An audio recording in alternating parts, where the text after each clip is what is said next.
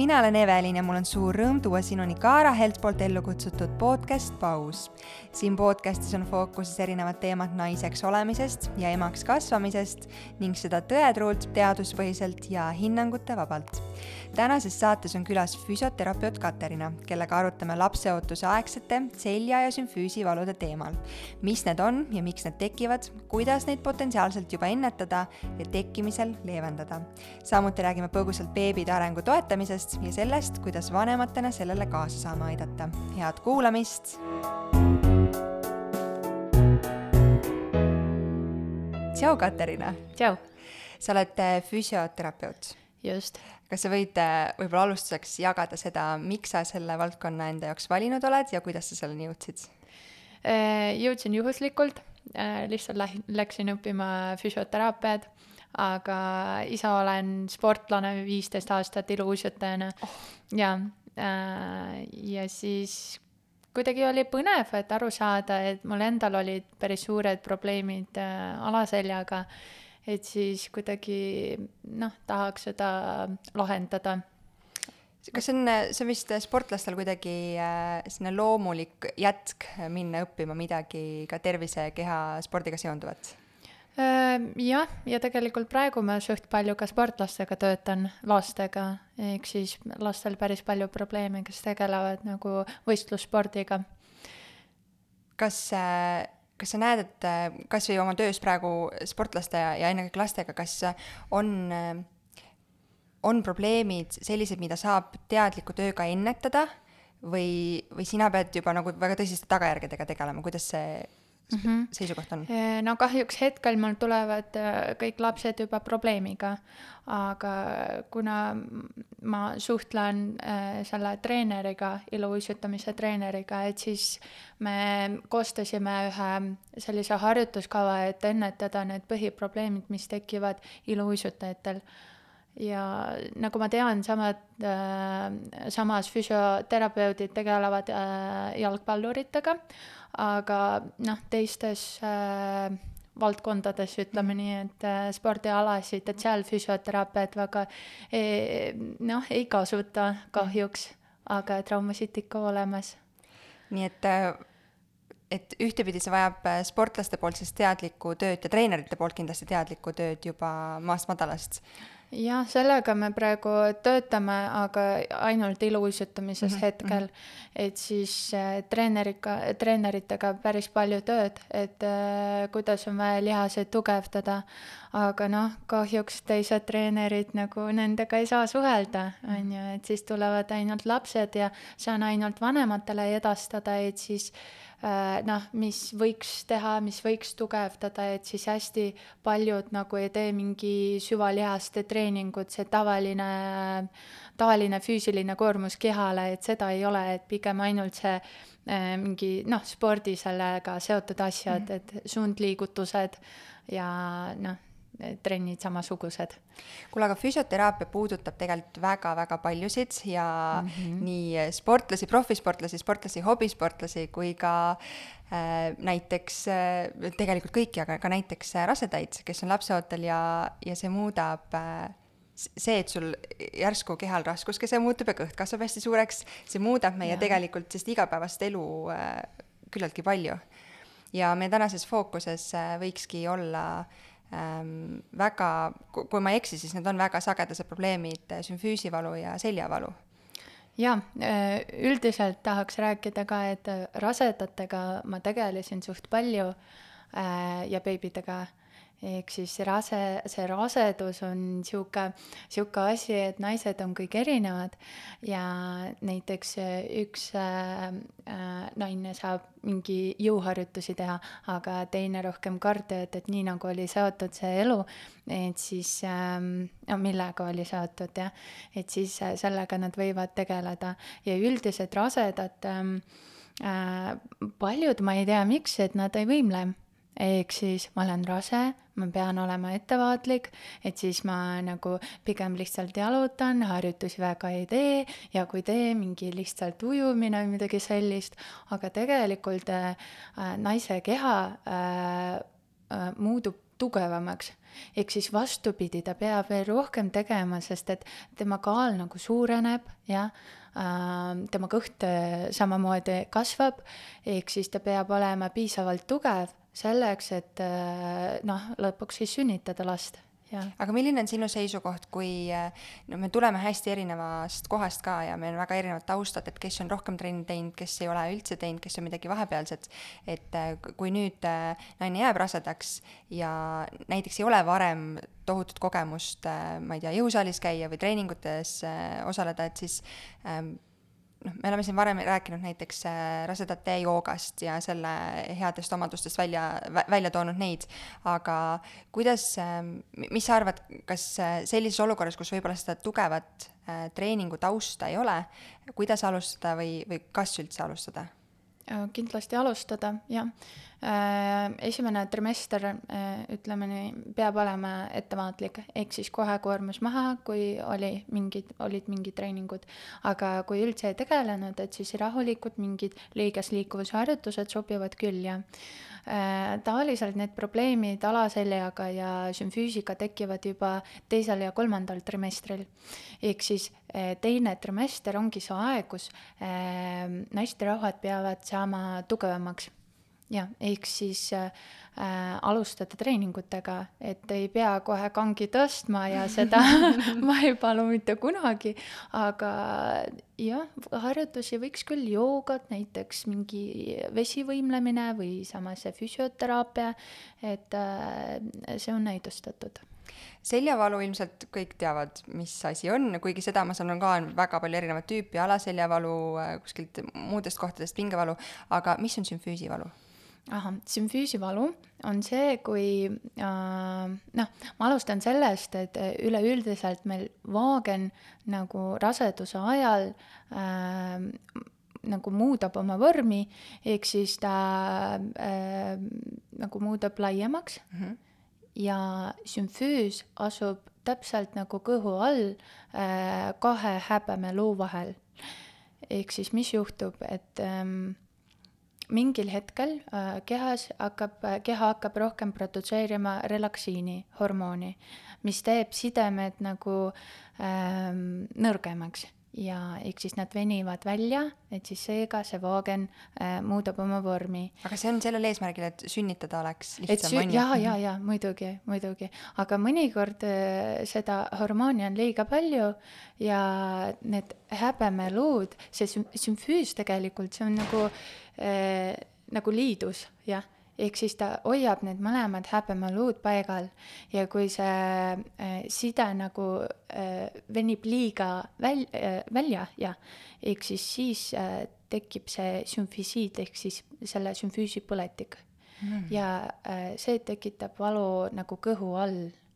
Ja siis näiteks äh, millised meil sümptomid, et siis alakõhus, noh, naisterahvas tunneb valu või siis äh, on raske püsti tõusta, et mingid teravad valud on äh, umbes noh, häbemelu piirkonnas. et siis äh, samas ei saa magada, ei saa jalad kokku panna ja see jah, noh, elu muutub raskemaks. aga kas see on see midagi, mida me saame ennetada juba enne mm? -hmm. et ähm, ütleme, vaagen on päris suur ja see on seotud ka tuharalihastega ja sõljelihastega.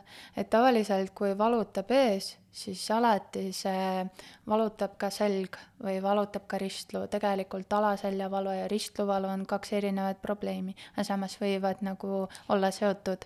ristluu et... ehk siis sabakondivalu? nagu jah ja,. inimkeeles nagu... minu jaoks ja. kogu aeg, ma just äh, vist eelmises või üle-eelmises saates äkki rääkisin, kuidas äh, alates kolmekümnendast nädalast äkki mul muutusid äh, täiesti võimatuks autosõidud, sest ma sain pikali olla ja ma sain püsti seista, aga mu sabakond kont oli nii valus, et ma ei suutnud, eriti autoistmes kuidagi see, see asend oli selline, et võimatu, nagu nii valus oli mm. -hmm. Mm -hmm. et just nii, jaa, see ongi see sabakond aga tavaliselt see seotud äh, tuharalihastega, et tuharalihased nõrgad, ehk siis jälle see ristluu ja vaagen on rohkem nagu ta liikuvam on, ehk siis seega nagu noh, tekib kas või põletik ja ei saa lihtsalt autos püsti saada mm, -hmm. jah kui, äh, kui me seljavaludest, kas seljavalu, sümfüüsivalu käivad kuidagi käsikäes või need on ikkagi väga eraldiseisvad asjad? Väga eraldi ei ole, sest et lülisammas on meil eh, ainuke, ta läheb kaelast ja siis sabakond on see viimane ja see kõik on lülisammas. aga need probleemid on eri, erinevad ja et mõnikord ma alati nagu küsin, et kus valutab ja ja kõik ütlevad, et alaselg, aga hästi paljud näitavad seda tuhara piirkonda, et see on juba vaagen, see on juba ristluvalu ja harjutused, mida ma annan pärast, et äh, noh, saada korda selle probleemiga, et need on erinevad, on ju. et näiteks, kui meil on alaseljavalu, et siis me rohkem, me rohkem äh, pingutame, tugevdame need süvalihased ja kui on näiteks ristluvalu, et siis rohkem tuharad. ja samamoodi, et kui ristluvalu, tavaliselt on ka selle sümfüüsivalu, kui kõhu all valutab ja, ja peamised need harjutused tuharalihastele ja siis äh, äh, puusaliigese ümbritsevate lihastele. Mm.. selleks, et saada need äh, liigesed tugevamaks eks järelikult ei ole nii palju raskust selle sümfüüsi peal, sest et kui meil kõht äh, kasvab suuremaks ja alaselg äh, muutub nõg-, äh, nõgusamaks, eks siis ongi see, et terve see keha raskus läheb niimoodi ette ja hakkab niimoodi suruma selle sümfüüsi peale ehk siis pärast nagu võib tekkida see sümfisiit ja üks asi veel, et mm, esimese, sul üldse valutas see kõhu all? Ei ei, ei mm, -hmm. mul jah, vedas sellega mm. -hmm. ehk siis esimese raseduse ajal tavaliselt seda probleemi ei ole. kui mm -hmm. me võtame juba kolmandat ja neljandat rasedust, ehk siis siis võivad äh, tekkida sellised probleemid. aga miks nii, miks see nagu äh, raseduse edasi see kuidagi mm -hmm. suureneb ehm,? no esiteks, äh, milline oli taastumine Äh, meil ei ole kuidagi naised, et ei tea, et nad peavad peale rasedust taastuma. ehk siis nendel on juba beebi, nendega, äh, temaga siis ta võimleb, aga iseendaga mitte, on ju. et siis mõni hetk ta läheb lihtsalt äh, trenni ja siis ongi, aga seda nagu taastumist ei ole ja siis tuleb teine rasedus, oleneb siis, äh, kui vana ta on, ja siis kolmas rasedus ja kui taastumist ei ole, ehk siis järelikult tekivad sellised probleemid, sest et noh, see vaagen muidu ta, ta nagu tagasi äh, väiksemaks ei saa, ta ikka laiem on. Mm. -hmm ja iga rasedusega ta läheb äh, laiemaks, oleneb ka, et milline beebi on, mõned beebisid on äh, päris suured, kõht on suur. Äh, oleneb ka, et palju ta võtab juurde seda kaalu, on ju, et see kõik hakkab suruma, selle raskuse äh, tagajärjeks ongi siis vaagen muutub suuremaks aga kui peale, olgu see siis esimest või teist rasedust, ähm, kõik on hästi, justkui enesetunne taastub, noh, see on väga personaalne, mõni tunneb äh, kuu aega, mõni kolm kuud pärast sünnitust, mõni kaks aastat pärast sünnitust, et ma olen justkui tagasi oma keha juures ja oma sellises heas kohas, kus ma tunnen ennast äh, hästi. Ähm, ja, ja justkui mida, midagi ei tee, ei valmista muret ja siis ma alustan treeningutega ja siis tuleb võib-olla järgmine beebi ja siis tulevad need probleemid. kas äh, need on asjad, mida peaks äh, kuidagi arsti, füsioterapeudiga mm, konsulteerima, äh, üle vaatama, et isegi kui enesetunne on hea, peaks kontrollima? peaks ja, ja pigem mitte arsti juurde, vaid füsioterapeudi mm -hmm. juurde minna ja mina ütleks nii, et seda taastumiks, taastumist võib alustada juba esimesel nädalal ma kohe jälle ei ütle, et siis äh, peab kükke tegema. Ei muidugi. Ja ärge tehke. Aga äh, näiteks keegeliharjutused, need Vaagna põhjalihastele, pärast siis äh, liiges liikuvad harjutused juba teine, kolmas nädal, et seda koormust on vaja suurendada, muidu on kõik individuaalne, aga poole aastaga ma usun, et igaüks naine võib taastuda, kui tüsistusi ei ole. Mm peale rasedust. ehk siis igaüks võib poole aastaga täiesti nagu jah, taastuda. aga just nagu sa ütlesid, et äh, siis, kui midagi ei valuta, et siis, kui laps kasvab suuremaks, et siis juba nagu võiks lihtsalt trenni minna mm, -hmm. et see muidu äh, ei ole sihuke väga õige, et äh, üks tunneb ennast hästi aasta pärast teine nagu teisel äh, naisel on siis muresid jälle alaseljaga, jälle ristluu äh,. ja siis tuleb mingi teine rasedus ja siis läheb veel hullemaks. ja siis, kui ta pärast ei taastu, et siis äh, hakkavad juba need äh, tõsisemad probleemid nagu sümfisiit, tegelikult sellega on väga raske töötada aga kui juba olemas, et siis me ikka võime seda valu vähendada mm. -hmm ja isegi kui kõik on justkui pealtnäha hästi. Ja ma saan aru, et kogu fookus läheb ikka beebile ja ennast Nõus. unustatakse tihti selle taustal ära, et siis tulla ja, ja kontrollida ja saada kas või see hingerahu äh, füsioterapeudi poolt, et kõik on hästi, on ju? E, et mitte isegi see, et nagu kas kõik on hästi või mitte, aga siis, kui ema ei võimle, et ta ei ole tugev, kuidas siis ta lapsega edasi saab võimelda, jah et siis esialgu ema peab olema äh, tugev ja. see on peamine. jaa, see on peamine. sa tõid välja selle, et need mured tihti saavad alguse teisel-kolmandal trimestril äh, ja, ja aga see noh, mõne jaoks see tundub tohutu pikk aeg ja mõne jaoks see ei tundu nii pikk aeg, aga justkui see mõtteviis, et aga ma sünnitan ja siis ju need mured kaovad ära mm. -hmm. miks peaks ikkagi raseduse ajal nende probleemidega tegelema mm,? isegi kui probleemi ei ole, et siis ikka peab tegelema. miks? et olla tervis aga kas on võimalik, et äh, kui mul need, äh, ma ei tea, alaselja või füüsivalud on äh, ja siis ma sünnitan ja justkui kõik saab imeväel korda? saab korda peale sünnitust, ütled? Yeah.. sa juba, sa kortsutad juba kulmud, ei, see ei ole kindlasti võimalik ei no kui sa elad selle valuga ja lõpuks sünnitad ja pärast nagu noh, samas sul järsult see keha ka langeb ja sa hakkad selle beebiga tegelema, mõnikord see kaob iseenesest ära äh, ja mõnikord mitte see sümfüüsia valu püsib, vaid seljavalu püsib. ja ma ei tea, miks meil kõik naisterahvad äh, nagu kannatavad seda valu. minu jaoks see alati oli suureks küsimuseks, et miks, on ju, siis ma ei saa vastata. Ma ei tea, ma küsin nende äh, käest, et siis nad ütlevad, no kuidagi lapsega läheb palju aega, et siis pean kodus midagi tegema ja aga kui äh, paari aasta pärast, et sa ei saa voodis püsti, sest et selg valutab või sul raske on, et sellest äh, meie emad kahjuks ei mõtle. Mm. Yeah.. mul on tunne, et äh, vähemalt mu enda kogemusest, et üks asi on need mured, mis on raseduse ajal ja ükskõik, kas sa tegeled nendega või mitte, aga siis pärast sünnitust, kui sul on see värske ilmakodanik ka, kellega sa pead kogu aeg tegelema, siis tekivad juba uued mured, millega, et siis sa pead, kui sul need eelmised mured ka ei ole veel lahendatud, siis sa pead veel rohkem energiat ja aega nendesse panustama.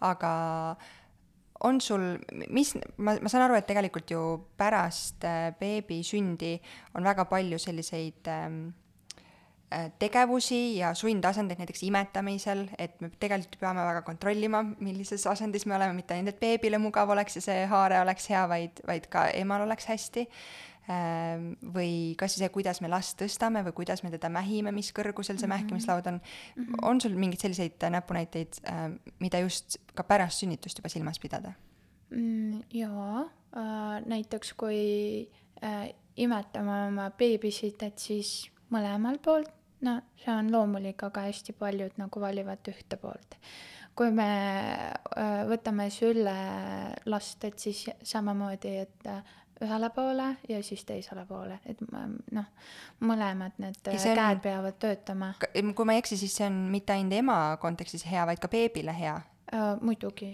ja, ja, ja hästi paljud beebisid näiteks roomavad äh, noh, ühtemoodi, et siis üks käsi alati see on ja, või pööravad ainult ühele poole. pärast, kui nad kasvavad suuremaks, et siis treppidest üles ja alla saavad ainult ühe jalaga mm seda võib lihtsalt nagu, vaadake ja oma lapsi, et siis kuidas nemad teevad. võib-olla üks harjub rohkem vaadata ühele poole, aga teisele mitte, sest et kaelalihased teisel pool ei ole tugevam, tugevad ja mm -hmm. eks siis ta ei saa seda pead, noh, saab küll pöörata, aga ta on harjunud juba omamoodi, jah, ühtemoodi ehk siis muidugi nii lapsele kui ka emale, aga noh, rohkem see emale ikka mm. -hmm. sest et pärast, äh, mis meil tekivad, äh, küfoos on siis ähm, noh, selg on küüru üleval, jah. Siis tekivad skolioosid ehk siis lülisambakõverus näiteks paremale või vasakule, aga sealt juba teised probleemid, puusa põlveliigestega hakkab näiteks äh, valu kirgama ühte jalga, sest et seljaga on probleemid ja see skolioos on. Ja siis ta oli harjunud näiteks last hoida äh, vasakul pool ja siis nagu see valu kirgab vasakusse jalga näiteks jah, ja kui temal on juba kolmas beebi ja siis ta ütleb, et ta alati kannab öö, äh, oma lapsi vasakul pool, et siis noh, näed, mitu aastat sa teed äh, ühte sama liigutust. see on samamoodi, kui sa äh, võtad mingi hantli ja teed biitsepsid viis aastat ainult ühe käega, no mõtle, mis sul juhtub, on ju. sul käsi, sa ei saa seda kätt enam tõsta, sest et kõik kõõlusad on juba nagu toonuses on, et siis või põletikulised on, et siis sa, sa ei saa seda teha, see samamoodi siis seljaga, jalgadega ristluuga, jah, kõik see on seotud. ehk siis enne, ma ütleks nii, enne rasedust peab mõtlema, et mida sa hakkad tegema ja siis uurima mm,, kuidas taastuda, kuidas selle raseduse ajal mm, trennida.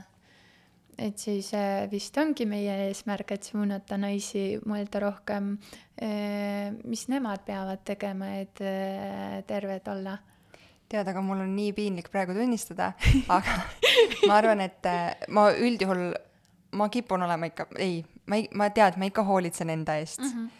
Vähemalt ma tahaks arvata, et ma hoolitsen piisavalt enda eest, aga äh, umbes, mul on praegu laps seitsmekuune ja umbes nädal pärast sünnitust mul hakkas vasak põlv valutama mm. -hmm. ja see valutas niiviisi viis kuud Äh, ja ma ei saanud aru ja ma mäletan, et ma käisin kolme, ähm, kolmanda kuu beebi siis äh, kontrollis perearsti juures ja ma küsisin temalt, et mis see võib olla.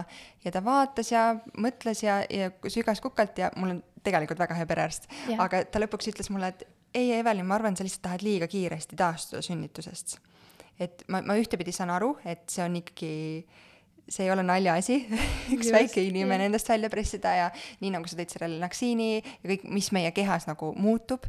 Äh, et ma mõtlesin, et ju siis tõesti, aga nüüd äh, ma arvan, et kuu aega tagasi mm -hmm. ma sain aru, miks mu vasak põlv konstantselt valutab ja see on -hmm. sellepärast, et kui ma imetan, siis ma suudan kontrollida oma selga ja õlgasid, et mul seal mingeid pingeid ei tekiks. aga ma imetan alati rätsep istes, nii et mu vasak Aha. jalg on nagu painutatud siis ja. enda alla. esiteks on juba mul mugavus ja siiamaani ma imetan niiviisi, aga ma pean kogu aeg teadlikult kontrollima, et me, et ma seda ei teeks. eks mul on tunne, et me teeme nagu ka mitteteadlikult neid asju nii palju mm -hmm. äh, emadena mm. -hmm. see ongi kui sa tuled, kui sa tuleksid füsioterapeudi juures, siis ta kindlasti küsib kõik need küsimusi, et kuidas sa imetad, kuidas sa istud, kuidas sa mängid ja kuidas sa võimled lapsega. ma olen kindel, et kui sa oled põrandal lapsega, et siis sul samamoodi läheb kas või näiteks ja. parem jalg niimoodi ette ja vasak kas või ees või on taga ja alati sama poos on, sest et sul on mugav. aga jah, sinu noh osa keha raskusest on siis jagatud paremale põlvele, ehk siis järelikult ta hakkab sul valutama. kas sees või väljaspool, pigem sees, ma ei tea, või siis põlvekedra all äh, tead, ma ei, ma isegi ei oska sulle selgitada seda, aga ühesõnaga mulle endale meelde tuletas, et ma pean sellega tegelema ja ma pean enda eest rohkem hoolitsema ja minema füsioterapeudi vastuvõtule äh, aga mi-, mis veel on, noh, see imetamisega õlad ja selg äh,, sa tõid välja mängimise, need äh,, kas, kas sa oled veel tähele pannud, sa ütlesid, sa töötasid rasedatega äh, mm -hmm. pikalt äh,, mis on sellised kõige levinumad äh, mured või, või ka sellised valed tegevused? Mm,? mured, et siis naisterahvad ei võimle see on kõige suurem kõik mure. kõik algab sellest, ma saan aru. jah, siis äh, kõige levinum on seljavalu, alati seljavalu. siis mul, mul muud muresid ei olnud, ainult see sümfisiit, aga see oli neljas rasedus. paar patsienti, et siis sümfisiidiga, et äh, väga palju mul ei olnud. aga saime hakkama ja juba tulevad kolmandal trimestril, et siis jälle küsimus, algab see äh, kõik juba teise trimestri keskel või alguses, aga tulevad visiidile siis nelja või viie kuu pärast, on ju, kui juba no peaaegu sünnitus on. et siis, siis on vaja midagi välja mõelda sellist, et see valu leeveneks. et äh, jah, aga mis see oli teine küsimus? Et äh, mis need põhjused on, äh, miks need äh, või õigemini, tead, ma lähen siit kohe hoopis edasi sellega, sa andsid mm -hmm. mulle mõtte, et äh, sa ütled, et liiga hilja tullakse yeah.. Äh, miks me peaksime või mitte ehmatamiseks, aga mis nendest asjadest nagu võivad edasi areneda? Ma saan aru, et äh, noh, üks laps, teine laps, äh, see rasedustega järjest keha muutub mm, -hmm. aga me ju tegelikult äh,, Helle Nurmsaluga me rääkisime vaagnapõhjalihastest mm -hmm. ja mhm. seda, et kui me teadlikult ei treeni äh, nii enne sünnitust äh,, raseduse ajal, vabandust, siis enne rasedust, raseduse ajal kui ka pärast äh, sünnitust, siis äh, potentsiaalselt kuuekümneaastasena me peame kogu aeg mähkmeid kandma, et, et noh, see ei tundu ilmselt kõigile väga atraktiivne tegevus, eks. Äh, aga sinu äh, füsioterapeudi vaatest just siis need muud äh, kehalised muutused, et milleni need vi võivad viia lõpuks? Mm, no kõige hullem, mis ma olen näinud, on see ja vaagnapõhjalihaste nõrkus et siis vahet ei ole, kas sa naeratad või siis sa köhid või siis aevastad. mis iga, aevas, aevastad ja et siis ongi noh ei saa hoida oma vaagnapõhjalihased, onju. batuudi peal hüpata pisspüksis si. ei, ei saa hüpata üldse, isegi mitte, mitte batuudi peal, vaid lihtsalt põrandal. ja teiseks kõige suuremaks minu äh, mõttel see probleem on see lülisambaga probleemid. ehk siis äh, tekib skolioos, lülisamba kõverus, siis kuluvad kõhrad ühel pool, näiteks puusas või põlves, pärast on siis liigese vahetus, on ju, siis on jälle taastumine ja teised probleemid on ka, ehk siis kui sul on lapselapsed ja sa ei ole kõige liikuvam vanaema, et siis on kahju aga need kõik asjad taanduvad ikkagi sellele, et äh, kui tugevad meie kehad on juba enne lapse ootust mm -hmm. ja milline meie harjumus liikuda ja treeninguid teha. kust asi valesti on läinud, et väga paljudel ei ole seda harjumust?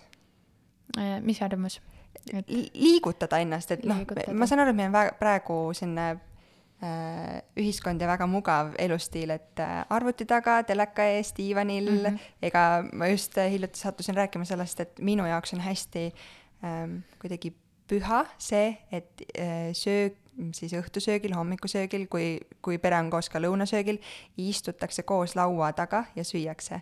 aga mm -hmm. väga levinud on see, et kauss kätte, kahvel kätte, diivani peale mugavasse asendisse yeah., seesama retseptiste endal see vasak põlv sinna alla, on ju, ja, ja siis ja siis sa vedeledki seal ja võib-olla teed oma igapäevatoimetusi ka kuskil ähm,. vildu asendis. jah, just, et äh, kust see on, kust see mugavus äh, on tulnud ja kuidas seda nagu välja juurida endast ja potentsiaalselt ka oma lastest, et äh, seda liikumisharjumust rohkem tekitada lihtsalt minna trenni vist vaata kõik kõik inimesed on laisad onju sina see, ka või? mina ka. ma ei ja. taha uskuda mina ka olen hästi laisk ja ma istun nädalavahetusel diivani peal, aga nädala sees siis mul nagu kolm korda ma pean mingi trenni tegema, et kas ma teen kodus natukene või siis ma pigem lähen jõusaali, mul on tund aega, et siis ma lihtsalt tõusen ja lähen ja teen, et siis äh, mingi, ma ei tea, kuidas harjumust seda saada, et nagu olla rohkem liikuv ja no tuleb vist leida ka enda jaoks see sobiv äh, treeninguviis või, või liikumine mm. -hmm. vähemalt kolm korda nädalas, seda ma kõikidele ütlen. kolm korda nädalas, kas see on näiteks vesivõimlemine, kõige kergem asi on, sa lähed lihtsalt äh, saali, basseini, siis sul on treener olemas, ta ütleb, mida teha, sa lihtsalt teed ja lihtsalt nagu noh vaata, kui sul valutab midagi, mida sa teed, lähed arsti juurde, sa ei taha kannatada seda valu, kui valu isegi eriti on tugev. et siis, mis sa hakkad tegema, vahet ei ole, mis sa teed, aga sa ei taha seda tunda. ehk siis kahju, et meid suunab äh, liikuma ainult valu, sest et no ei jaksa selle seljavaluga hakkama saama, jah. Et siis sa lähed ja teed midagi. aga tegelikult noh, peab mõtlema, et, äh, et ennetada seda, et võiks lihtsalt ennast liikuma panna. Ehk siis lähed trenni jooga, sul.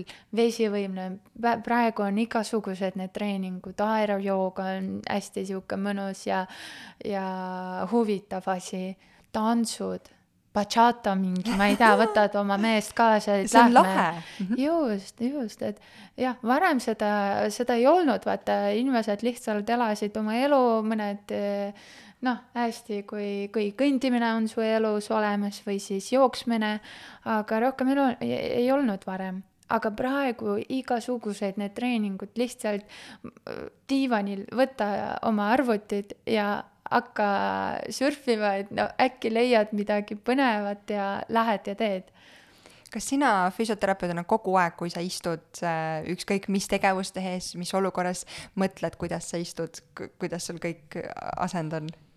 äh,. või läheb sul vahepeal meelest ära ka? mul on juba harjumus, et kui ma istun ühtemoodi, ma tean, et ma ise olen viltu, sest et vaata, viisteist aastat sama liigutus ja mul on suht kõver selg. Aga no kahe-kolme aastaga sain natuke seda paika, et siis ma ma juba ei mõtle, kuidas ma pean istuma, ma juba tean, et eh, noh, kui natuke seal seljas on midagi ja lihtsalt ise nagu muudan seda asendit, saan aru, et on vaja nagu ühte ja eh, teistpidi istuma näiteks. Ja, või vahepeal ma istun sirge seljaga, vahepeal ma olen hästi küüru, aga kui olen küüru ühele poole, siis olen ka teisele poole, vaata. ja siis tegelikult mul kõik liigesed liikuvad.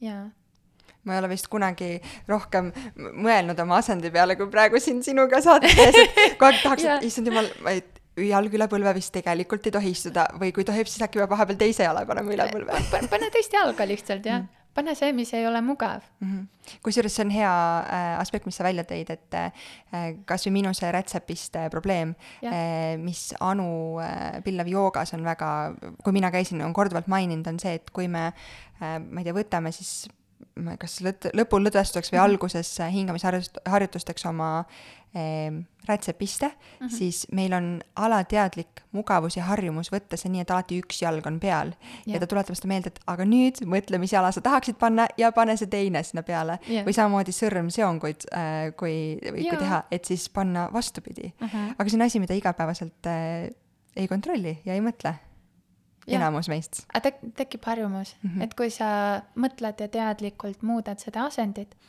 pärast sa juba teed seda automaatselt.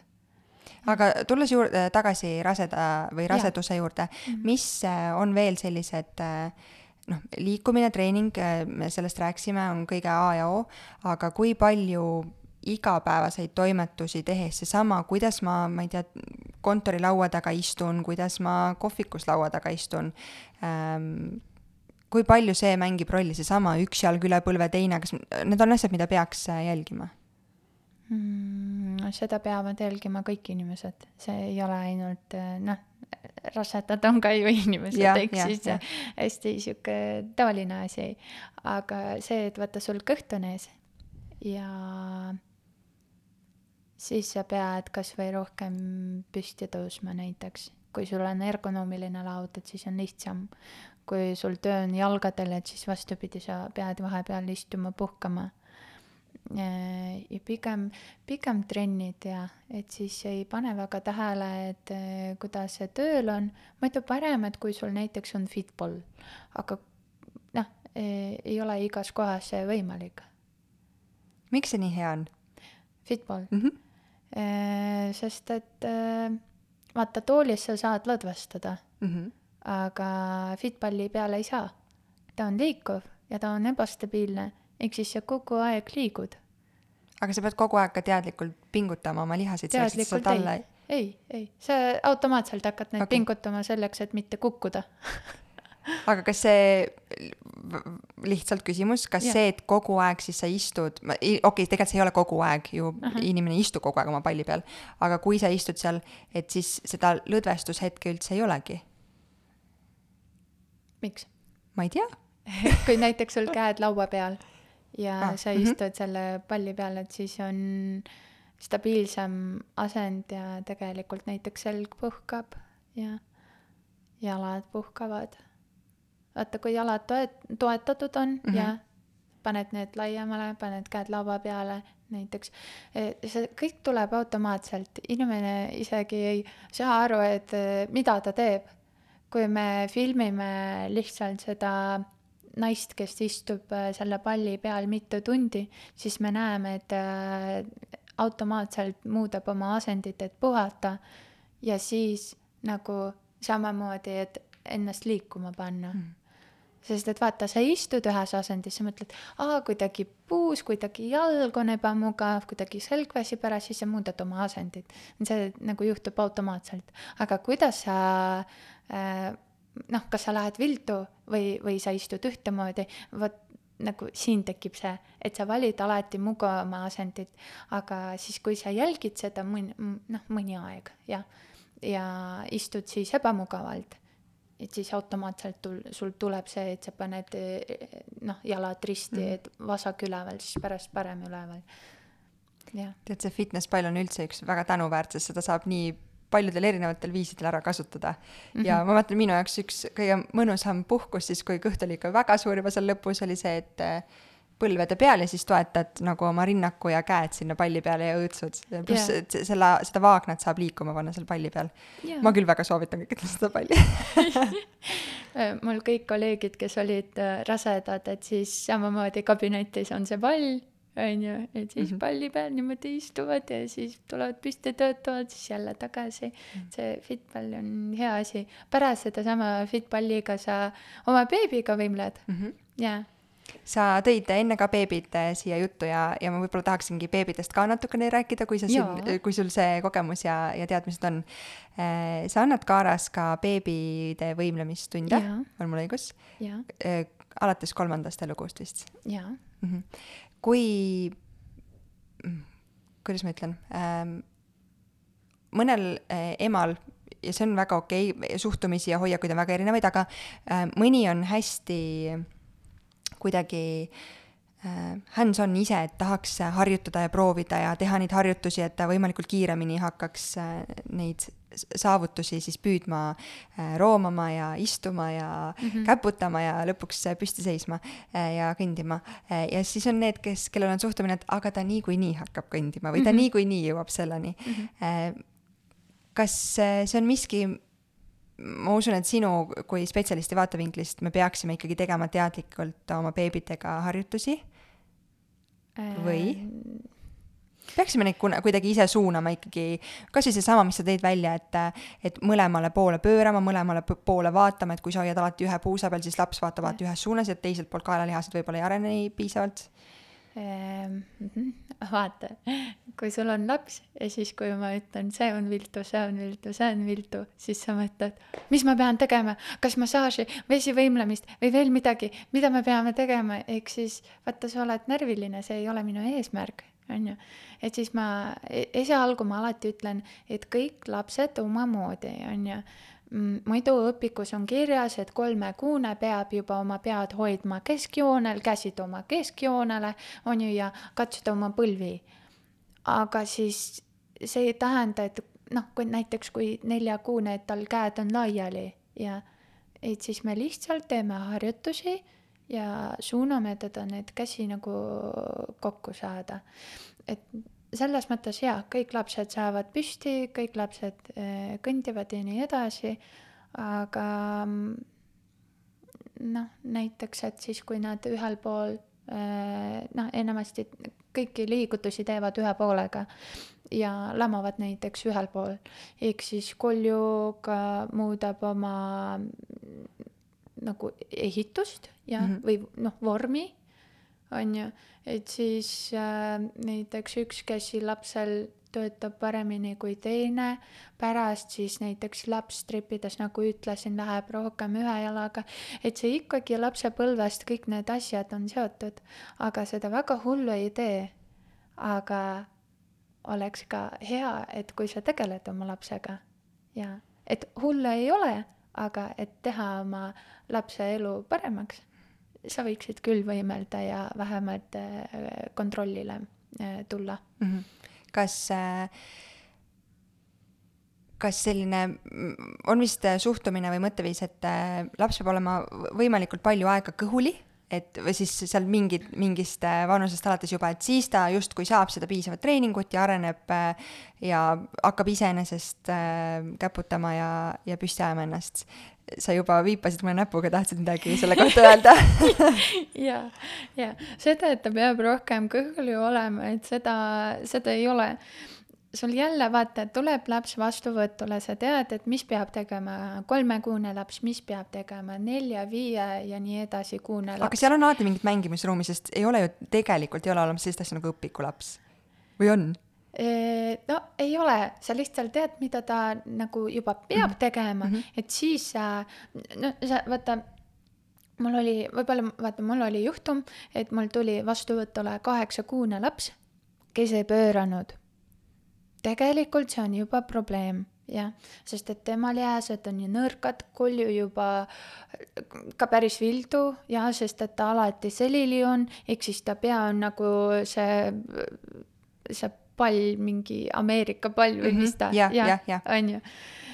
Ehk siis vaata, see välimus isegi teistsugune on, et kui laps sul enamasti selili on, et siis temaga kindlasti on vaja võimelda või siis nagu äh, ta ongi nõrk, et siis edaspidi juhtuvad erinevad traumasid ja nii edasi. et siis ei ole seda, et siis laps meil peab olema alati kõhuli maas, näiteks noh, pange rohkem kõhuli, mõned panevad kõhuli, aga ei pane tähele, et käed on üleval, ehk siis ta on lennuki asendis, jalad üleval, käed üleval, ehk siis järelikult ta ei seisa oma käte peal, et ta hiljem hakkab käputama, sest et ta ei oska toetada oma käte peale et siin natuke raske öelda, et, et kus ta peab rohkem olema. ehk siis, mis ma teen tundides näiteks, et ma räägin, et mis laps juba praegu peab tegema ja mis ta hakkab edasi tegema, et siis sul on mingi teatud tee, sa saad aru, et millised harjutused on vaja teha. näiteks ühel käed üleval, siis me tugevdame õlgu, siis me tugevdame rinnalihaseid ja et siis ma annan nagu harjutusi, eh, mille kaudu saab seda noh tugevdada lihaseid. Mm. Või vastupidi, et lapsel käed rusikas, et me lõdvestame kätt, jah.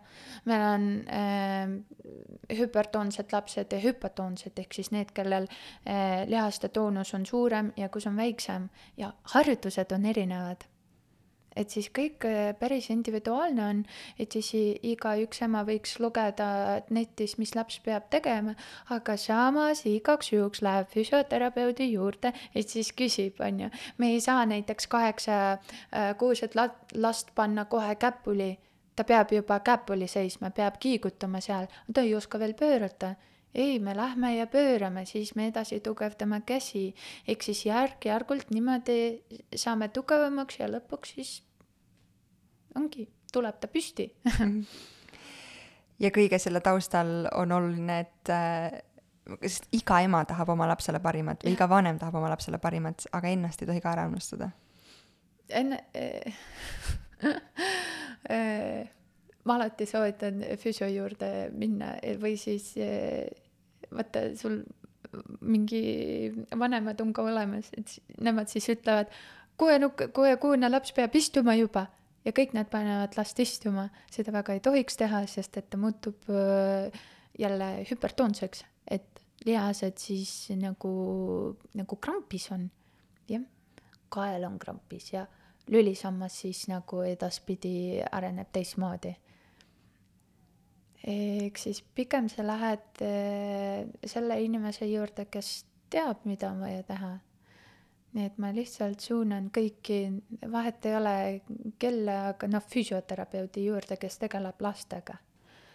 ja, ja seda nii oma laste heaolu ja tervise huvides kui ka iseenda, et ja. ka enda probleemidega tuleb ja. silmitsi seista ja tuleb tegeleda ja. nendega. Jaa, esialgu endaga, pärast siis lapse, las-, lapse probleemidega. mulle alati meeldib see, nii nagu lennukiga lennates, et endale ja. tuleb enne hapnikumask ette panna ja siis teistele sest kui sa kui sa ise ei ole aidatud, siis sa ei saa teisi aidata. just, just.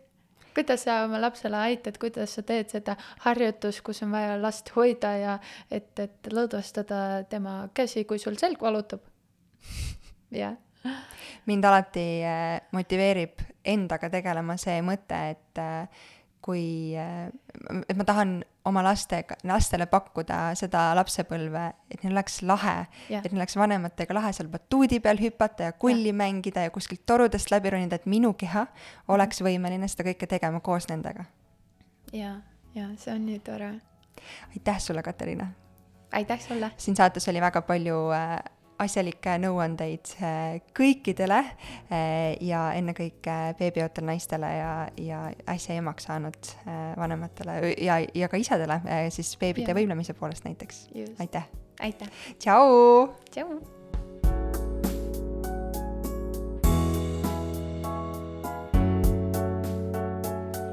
saate toob sinuni Kaara, naiste tervise ja heaolu edendaja rasedus- ning emadusperioodil vaata lähemalt kaarahelts.io